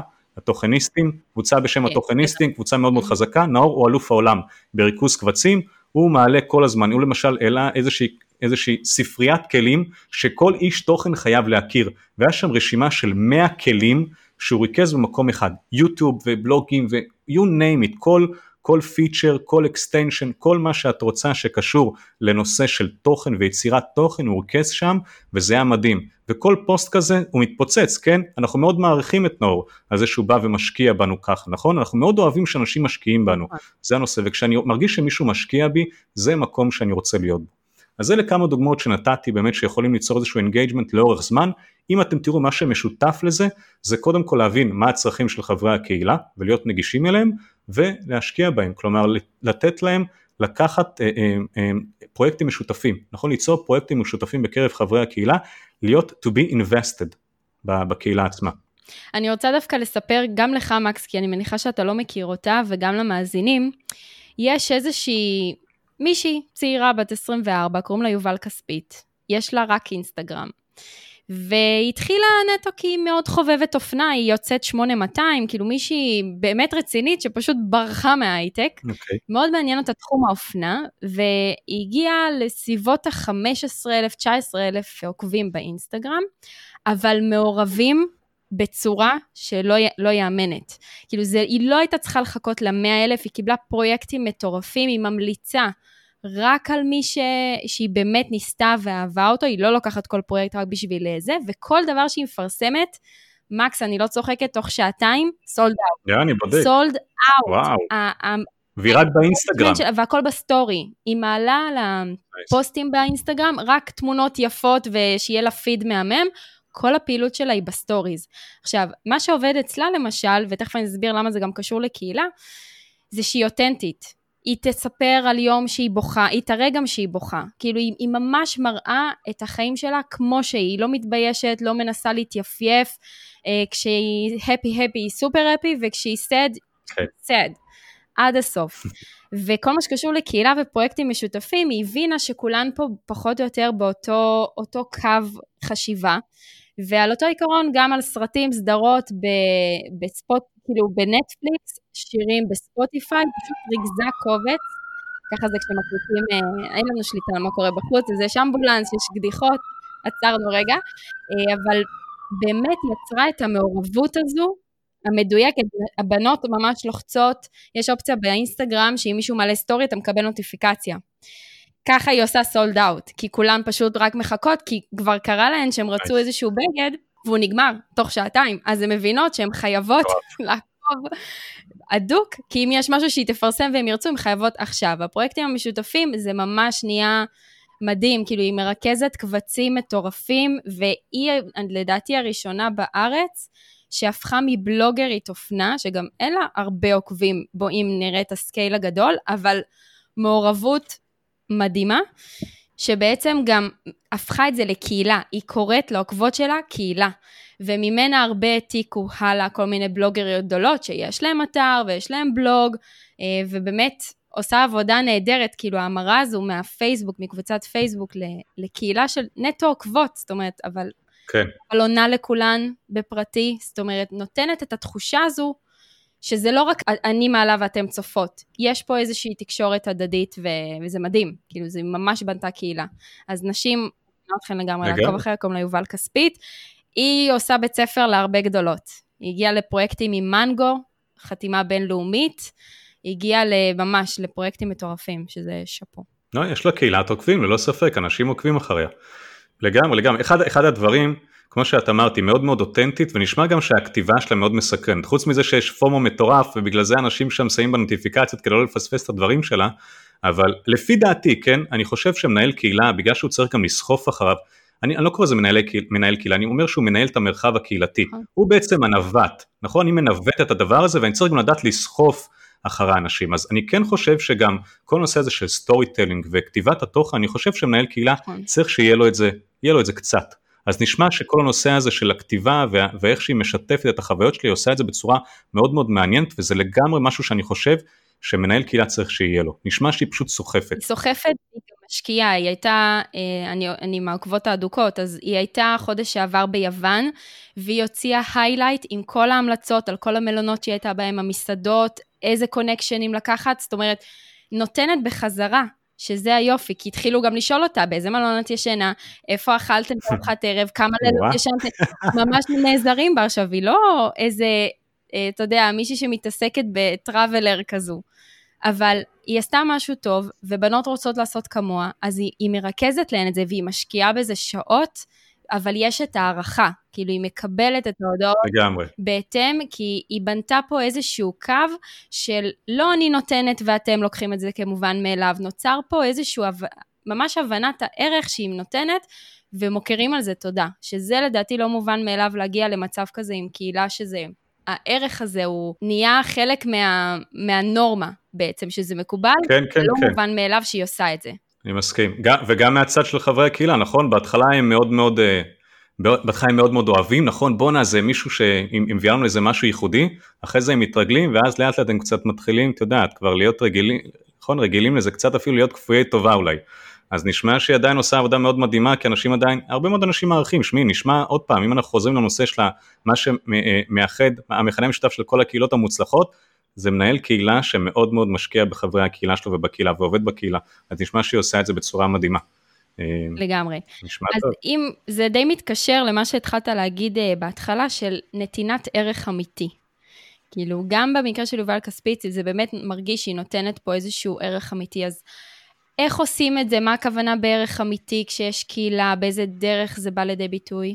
האמת שזה בדיוק מחזיר אותי למה שאמרתי לך, תזכירי נופר לדבר איתך. עכשיו, את יודעת, ערך זה משתנה, כלומר ערך משתנה לפי התחום שאנחנו נמצאים, קהל היעד והכל, נכון? אבל אחד הדברים, אני רוצה שנייה לחזור ללמה קהילה, איך קהילה משתלבת במערך השיווקי של העסק, או למה העסק נתרע מקהילה, למה הוא בכלל צריך את זה. אז אחד הדברים הכי חשובים שצריך לשים לב, זה שקהילה זאת הזדמנות אדירה להבין את הצרכים של חברי הקהילה שלנו. איך אנחנו עושים את זה? אנחנו עושים את זה באמצעות כמו שאת עושה, את, עושה, את שולחת שאלון, סקרים, polls, נכון? poll, polls, ראיונות עם קבוצות מיקוד, בכל, כל כמה חודשים. אני יכול להגיד לך שאני בקהילה שלי, יש לי איזה 15, 20, 25 חבר'ה סופר engaged בקהילה ואני כל כמה חודשים אני מתייעץ איתם. יש לנו ממש קבוצה, קבוצת וואטסאפ, אני קורא לזה קבוצות מיקוד ואני ממש מראיין אותם, מראיין אותם או בתוך הקבוצה הזאת ביחד או שאני ממש יושב איתם לפעמים אחד על אחד ואני שואל אותם תגידי נופר מה קורה. איך בקהילה, מה עוד חסר לך, מה את עוד צריכה, את יודעת הרי, הרי קהילה כשאנחנו מתחילים קהילה אז בהתחלה יש הרבה אטרף נכון, בהתחלה בקהילה יש את כל האנשים שהם דדיקייטד לתחום של הקהילה, ככל שקהילה גדולה גדלה, יש איזה משהו שקורה שם שהוא לא תמיד טוב. כלומר כשאנחנו אלף חברים, כשאנחנו כמה מאות חברים אז עדיין כולם מכירים את כולם והקשרים מאוד מאוד חזקים ואפשר להבין בגדול מה הצרכים של חברי קהילה. כשאנחנו כבר מאות, כשעשרות או מאות אלפי אנשים, מה מצחיק? זה כבר, אנחנו כבר, את יודעת, אנחנו כבר לא מכירים אחד את השני, נכון? מה, חצי מיליון איש, זה מטורף. אנחנו כבר לא, אני, מי זאת נופר? נופר עכשיו הצטרפה, אני בקהילות כבר לפני שלוש שנים, נופר איפה את היית? אז, אז החיבורים שם מתחילים לאט לאט להתרופף. אז באמת חשוב לי להבין, בעיקר לחברים שהם dedicated, אלה שהיו איתי מההתחלה, חברים, מה קורה איתכם? אז לפעמים הם אומרים לי, שמע מקס, אני קצת מאבד את הקבוצה. קצת מאבד את הקבוצה, מצטרפים אנשים, שאלות של מתחילים, דברים כאלה. אז זה דברים שאני לא הייתי יודע, אלא אם כן אני לא הייתי עושה את הרעיונות האלה. אז רעיונות עם קבוצות מיקוד, עם חברי קהילה פעילים, ש, שאתם כבר, שאיתכם כבר לאורך כל הדרך, אתם חייבים לשמר אותם, אתם חייבים ליצור איתם קשר משמעותי.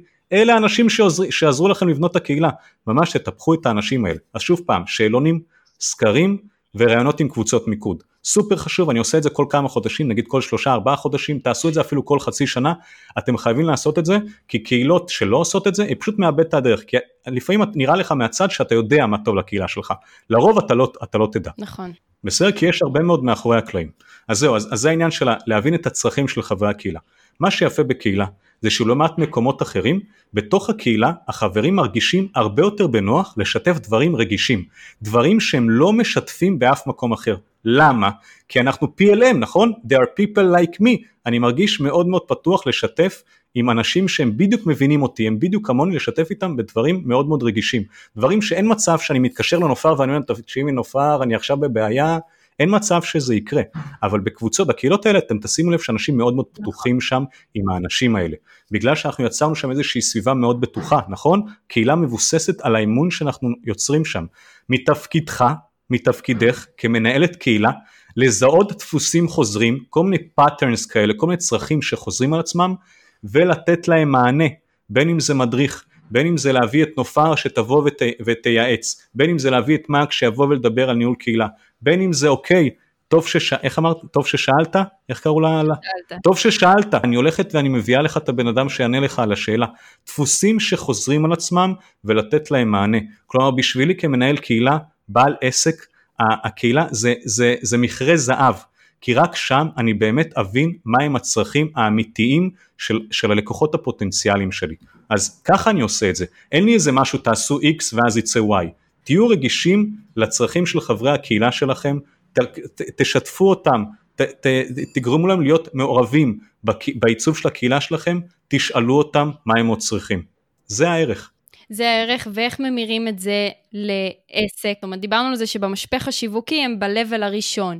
איך מייצרים את המשפך הזה, כל כמה כן. זמן כדאי להעלות משהו שהוא עם תוכן ממומן, או להציע משהו, להציע איזשהו מוצר או שירות. ממה שלי יצא להסתכל, שוב פעם, יכול להיות, את יודעת, יש מקרי אה, קיצון. רוב המקרים זה לא טוב בהתחלה לעשות. א' עכשיו, בא אתה יצר, אתה מתחיל ליצור איזושהי, יש איזשהו ניצוץ קהילתי, יאללה בואו תקנו את השירות שלי, בואו תקנו את המוצר שלי, בואו תקנו את הקורס שלי. אנשים לרוב, אפשר, יודעת, אנחנו מאוד רגישים לנושא של השיווק, זה עדיין לא הזמן. תיקחו את השלושה חודשים הראשונים ורק תיתנו. כלומר, תחכו עם זה קצת. אם יש לכם עכשיו איזה משהו שהוא בדיוק נותן מענה בפן ה-education, אם יש לכם איזשהו קורס, איזה משהו חינוכי, ש... שיכול לתת מענה למשהו, לאיזשהו צורך שעלה, כשזה קשור ל-education, כשזה קשור לקורסים, אנשים מאוד פתוחים. כלומר אני בקהילה מאוד מאוד נוח לי לקדם קורסים ולקדם סדנות ודברים כאלה. כל מה שקשור ל-Education אנשים מאוד פתוחים. כשזה קשור לייעוץ שלך או למוצרים שלך, אני חושב שצריך לעשות את זה בצורה, שוב פעם, יכול להיות אנשים שיגידו אחרת, אנשים צריך, צריך לעשות את זה בצורה עקיפה. מה זה אומר? חברים, אני הולכת להעביר היום סדנה בנושא של עיצוב גרפי. אוקיי? הרצאה בנושא של עיצוב גרפי, ואז בהנאה לפעולה את יכולה להזמין את האנשים לקנות את המוצר שלך, לבוא לסדנה הבאה שלך, לעקוב אחרייך בפייסבוק, ב-you name it, כלומר לעשות את זה בצורה עקיפה. education, שוב פעם, חופשי. כל מה שקשור למוצרים ושירותים, אני אישית חושב שעדיף לעשות את זה בצורה עקיפה ולתת לזה קצת זמן. לא על ההתחלה, תנו שנייה לקהילה להתניע את עצמה, לראות באמת שמשהו כבר מתחיל, יש כבר איזשהו ניצוץ קהילתי, ואז תתחילו להכניס את זה.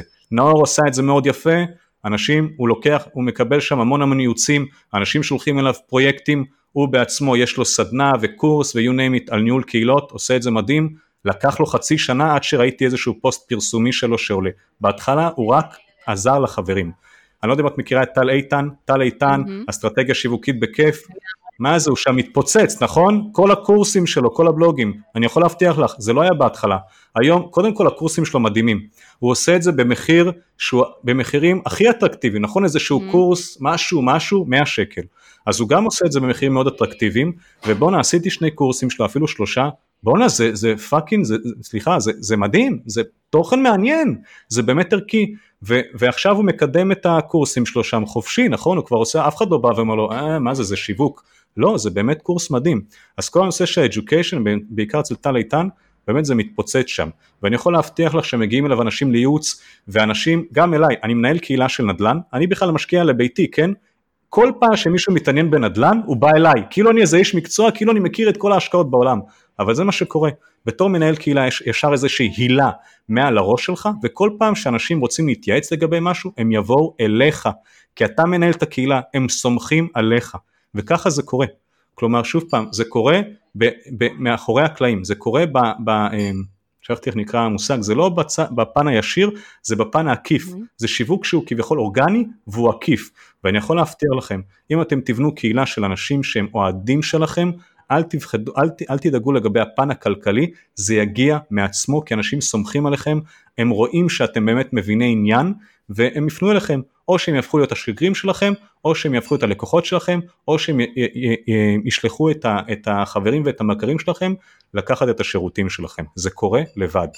אני ממש מסכימה. באופן כללי הגישה היום היא, היא לתת, להעניק ערך, לספר על מי אתה, לתת את הטיפים מהתחום שלך, אם זה ערוץ יוטיוב, אם זה פודקאסט, אם זה לעלות לייב אה, בפייסבוק, ומכאן, בעצם העובדה ששיתפת בידע, א', זוכרים את השם שלך, כי ראיתי אותו, וב', כשאני אתקל במשהו בתחום הזה, הבן אדם הזה ישר יקפוץ לי לראש, כי הוא, הוא טבוע לי במוח בנניח מנהל קהילות, זו, יובל כספית, בלוגרית אופנה, זאת אומרת, זה כבר מתויג אצלי, כי קיבלתי מהם ערך ו- ואני זוכרת. ואחד הדברים שנוספו לנו בפייסבוק, זה שאם נגיד, מקס, אני ואתה חברים בפייסבוק, ואתה העלית משהו בקבוצה, אז אני מקבלת ממש נוטיפיקציה על זה, כי בגלל שאנחנו חברים ואנחנו באותה קבוצה, זאת אומרת, פייסבוק הצליחה ליצור את העניין שאם אנחנו חברים באותה קבוצה, אני גם מקבלת התראה בכל פעם שאחד החברים שלי מעלה משהו בקבוצות, ובכלל, מנהל קהילה, כל פעם שהוא מעלה משהו בקבוצה,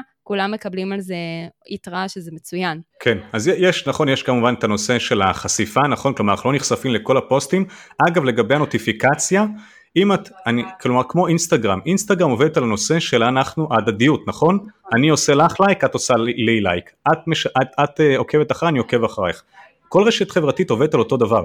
אז אם אנחנו רוצים להגדיל את החשיפה שלי, אם, אנחנו, אם אני רוצה שנופר תראה פוסטים שלי או כל מיני, תקבל נוטיפיקציות בפייסבוק ממני, אז אני צריך להיכנס לנופר, לגלול אצלה קצת בפיד, להגיב לעניין וואי נופר זה מדהים, כלומר לעשות איזשהו סוג של like back או סוג של מעקב ואז פייסבוק אומרים וואלה נופר מעניין את, את מקס, מקס יכול להיות גם יעניין את נופר, אז זה, כלומר ההדדיות הזאת זה אחד הדברים הכי חזקים ברשתות חברתיות ואם אנחנו רוצים להגדיל את קבוצת העוקבים אז אנחנו צריכים להיות יותר, להיות יותר חברותיים, נכון? יותר סושיאל בעניין הזה.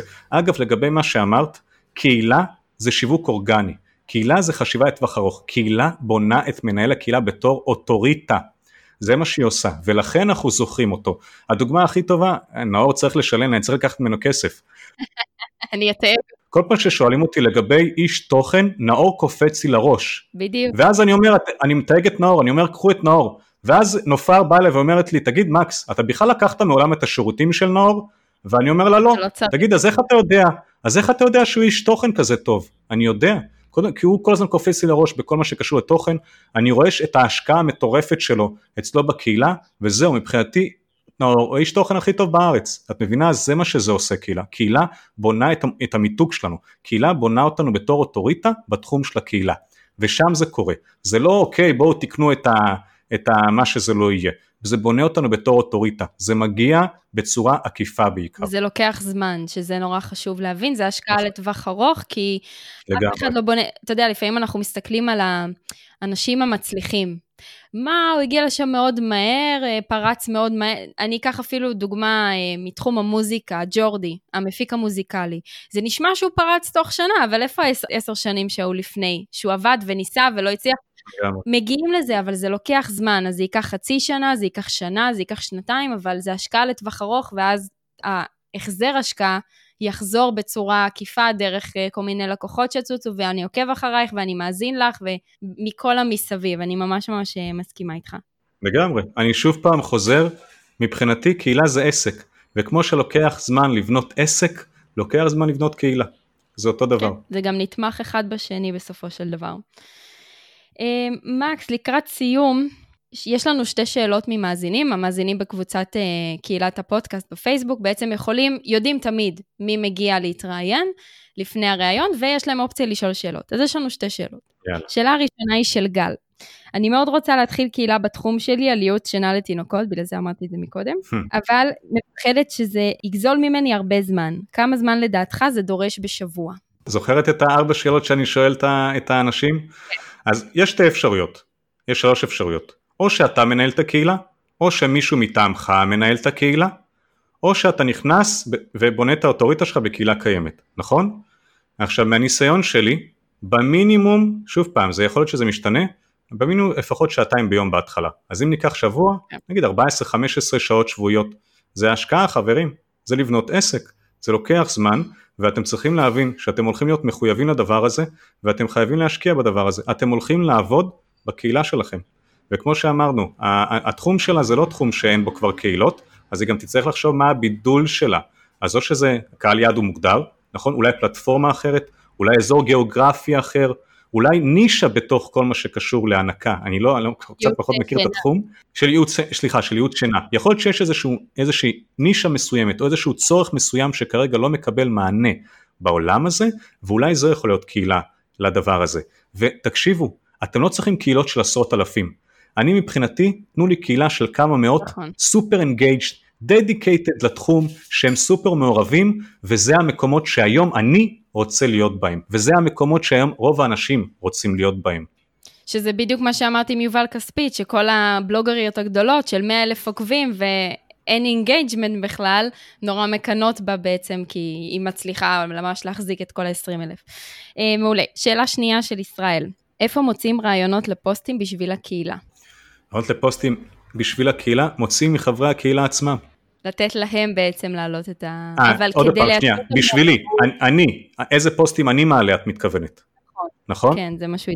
אין בעיה. אז קודם כל, מן הסתם שבהתחלה זה יהיה בעיקר מנהל הקהילה, נכון? לוקח זמן להתניע אנשים וה, ו, וזה יהיה קצת אני וזה יהיה קצת נופר שהיא השתולה שלי, אבל עד שהקהילה תחיה בזכות עצמה זה משהו שלוקח זמן.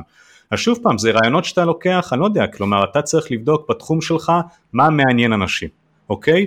אה, מה מעניין אנשים ועל זה לכתוב. אתה מעלה שאלון, טוב ששאלת כל מיני דברים כאלה, בואו תגידו לי על מה אתם רוצים שאני אעלה תוכן. תן, כאילו, תן, תן לחברי הקהילה שלך, הם יודעים הכי טוב. מה, כלומר הם, נכון, אנחנו אומרים הלקוח, הלקוח שלנו זה איש השיווק הכי טוב שלנו, נכון? הוא יודע מה הוא רוצה. אז זה בדיוק זה, תשתמשו, תיעזר בחברי הקהילה שלך, או בחברי קהילה פוטנציאליים, תשאל אותם מה חסר להם, על מה הם רוצים שאתה תכתוב. עכשיו ככה, אתם צריכים להבין, מה שיפה בקהילה, שלא כמו בש- בשום היררכיה אחרת, כולנו מבחינת התוכן, כולנו שווי ערך, נכון? בקהילת פייסבוק גם נופר יכולה לכתוב וגם מקס יכול לכתוב, כולנו יכולים לכתוב, כולנו שווי ערך מבחינת התוכן. תן להם לכתוב את התוכן, למה אתם צריכים לכתוב את כל התוכן בעצמכם? זה המון עבודה. לך לנופר, נופר, תקשיבי, שמעתי, ראיתי איזשהו פוסט מדהים שלך בנושא מה שזה לא יהיה. בואי תכתבי גם אצלי, בואי תקבלי את הבמה אצלי. וואי, אני באמת, נאור, נאור, תשמעי איך נאור פתח את הקהילה שלו. אני באמת, אני, אני ממש אוהב את העבודה שלו. מה שנאור עשה כשהוא פתח את הקהילה שלו, הוא אמר, שנייה, אני עכשיו, אני חושב על זה, כשאני נכנס לקבוצה ריקה, נכון? אז, אז זה קצת מרתיע אותי, נכון? אה, אין פה כלום, בטח, נכון, נכון זה כמו שאני אעבור ליד איזושהי מסעדה ויש שם, ויש שם איזה שני אנשים שסועדים, אני לא אכנס אליה, נכון? נכון? אבל אם יש מסעדה מפוצצת, זה מסקרן אותי, וואלה, מעניין פה. מה הוא עשה? הוא הלך לחמישי, הוא עשה רשימת אקסל, ואמר, אני רוצה עכשיו למצוא 50 איש בתחום של הקהילה שלי, אני מחפש אותם ברשת, שכתבו תוכן בתחום של הקהילה. אוקיי? עכשיו הוא לא אמר להם בואו תכתבו עכשיו משהו מיוחד, הוא לא, כי הם יגידו לו נאור לחפש את החברים שלך, כן? מה עכשיו, אני מי אתה?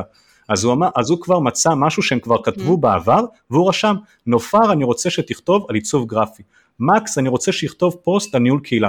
וככה היו לו 50 אנשים מוכנים לכתוב אצלו בקהילה. ואז נכון בקבוצת פייסבוק אתה יכול כשאתה מעלה פוסט אתה יכול לגרום לו להיות מאושר נכון אתה צריך לאשר אותו. יש לך את האופציה לאשר את הפוסט. נכון. אז תחשבי ש-50 איש עכשיו פתחו העלו פוסט והם ממתינים לאישור. וכל יום הוא אישר שניים שלושה פוסטים. אז היה לו עכשיו תוכן לבערך חודש, כן. נכון? ועכשיו בדיוק בנקודה הזאתי, אחרי שכבר עלו כמה פוסטים, הוא צירף חברים לקהילה. ועכשיו אני מצטרף, ובואנה יש פה מגוון מטורף של אנשים, ויש פה המון תוכן, בואנה זה מעניין פה, בואנה זאת מסעדה שאני רוצה לשבת בה. אז אני כבר אומר, אתם לא צריכים להיות עורכי התוכן או יוצרני התוכן היחידים, תנו לחברי הקהילה לכתוב את התוכן, תנו להם, למה אתם צריכים לעשות את הכל? תעזרו בחברי קהילה תעזרו בעוד מומחים שהם לא אתם, הכל בסדר, לא יקרה שום דבר, תיתנו במה לאנשים אחרים, תמנפו את חברי הקהילה שלכם, תמנפו אנשים שיעזרו לכם להתניע את הקהילה, וככה יש לכם חוץ מהתוכן שלכם עוד מגוון של תוכן אחר שהוא לא רק שלכם. מדהים. אני חושבת שזה יופי של uh, כמעט סיום לפרק הזה, ש, שזה לא רק הלבנות אלא ההמשך, כי רוב העיסוק הוא ההמשך בסופו של דבר. אז איזה טיפ היית נותן לעסק בתחילת הדרך? לעסק בתחילת הדרך? בתחילת הדרך. הבנתי. אני, אני חושב שהייתי חוזר לנושא של ה... גם של ה... כמו הקהילה, לעשות את ה... התכנון. אני, אני לגמרי, כלומר מאז שאני, מאז שאני בנושא של הקהילות פשוט אני רואה איך עסקים, איך בעלי עסקים או איך מנהלי קהילות פשוט רצים ויאללה יש לי עסק ומתחילים בשיווק ובדברים האלה אבל אין להם שום אג'נדה, אין שום תכנון, אין כלום. אז, אז שוב פעם, תבנו את התוכנית העסקית שלכם, תחשבו איפה, אני לא יודע מה, ערוצי שיווק רלוונטיים, תכתבו תוכן, כן, אני רואה הרבה בעלי עסקים שהם לא כותבים תוכן, הם לא יוצרים איזשהו בידול, הם סוג של, שוב פעם, אני לא רוצה להכליל, אבל אני לפעמים מרגיש שבוא נגיד נופר, אני רואה שנופר עושה משהו מדהים, ואני הולך ואני עושה את מה שנופר עושה, רק אני רוצה להיות יותר טוב מנופר, נכון? אני, זה נקרא, אה, אה, אה, competitor oriented, נכון? אני, אני מוכוון, אני מוכוון מתחרים. וואלה נופר עשתה משהו, מה נופר עושה, מה, מה הוא עשה, מה הוא יצר, אז אני הולך, אני עושה את אותו דבר, רק אני רוצה יותר טוב. תפסיקו עם זה. תהיו customer oriented, נכון? כמו שג'ף בזוס, mm-hmm. מנכ"ל אמזון או מייסד של אמזון אומר customer obsession. אז אני חושב שגם אצלי התפיסה הזאת, ה mindset הזה השתנה לאורך נגיד חצי שנה, שנה האחרונה, תתעסקו בלקוחות שלכם. תהיו מוכוונים בלקוחות שלכם ובמה הם עוד צריכים כדי לשפר את החיים שלהם, של, שלהם. תפסיקו להתעסק במתחרים שלכם, אוקיי? אז הנה שני טיפים. אז, אז אחד, תבנו את התוכנית העסקית, ודבר השני, תהיו customer obsessed. תעזבו את המתחרים, הכל בסדר, נופר עושה עבודה טובה, אין בעיה, תעקבו, אנחנו רוצים להבין מה קורה שם בעולם, אל תלכו, אוקיי, מה שנופר עשתה אני רוצה רק יותר טוב. ת, תבנו את הכל האישי שלכם, תמצאו איזושהי נישה שלא חפרו אותה, תמצאו את האוקיינוס הכחול שלכם, בקיצור, תמצאו עוד פעם את הקול האישי שלכם, את, ה, את הטון האישי שלכם, ולזה אנשים מתחברים. יופי של טיפ. ולעסק ותיק, מה היית ממליץ אה, ככה לעשות היום? לפתוח קהילה. כן, תכלס, אולי באמת, אולי תבנו, תתחילו בבניית קהילה, לגמרי, אולי הגיע הזמן באמת ש... שוב פעם, אני לא יודע באיזה מצב נמצאים, אני לגמרי, את רואה, אני סופר אוריינטד uh, קהילות, אז אם אין לכם קהילה ואתם רוצים להרחיב את עצמכם ואת המיתוג שלכם בפני עוד אנשים, להרחיב עוד את ה... כלומר, תגדילו את השיווק האורגני שלכם, בוא, בוא נגיד ככה, uh, באמצעות קהילות, לגמרי, אני חושב שזה יהיה, שזה יהיה טיפ טוב. מקסים. מקס, איפה אפשר למצוא אותך? ככה לסיום, תספר למאזינים מי שיצטרך. כמובן אני אצרף את כל הלינקים עליך, אבל ככה ברשתות החברתיות, אה, קהילות שלך. כן, אין בעיה אז. אז רשתות חברתיות קודם כל, אני, אתם ממש מוזמנים להתחבר אליי בפייסבוק, מקס פרידמן, זה F-R-I-E-D-M-A-N, זה כמו פריידמן, כמו איש צלוי.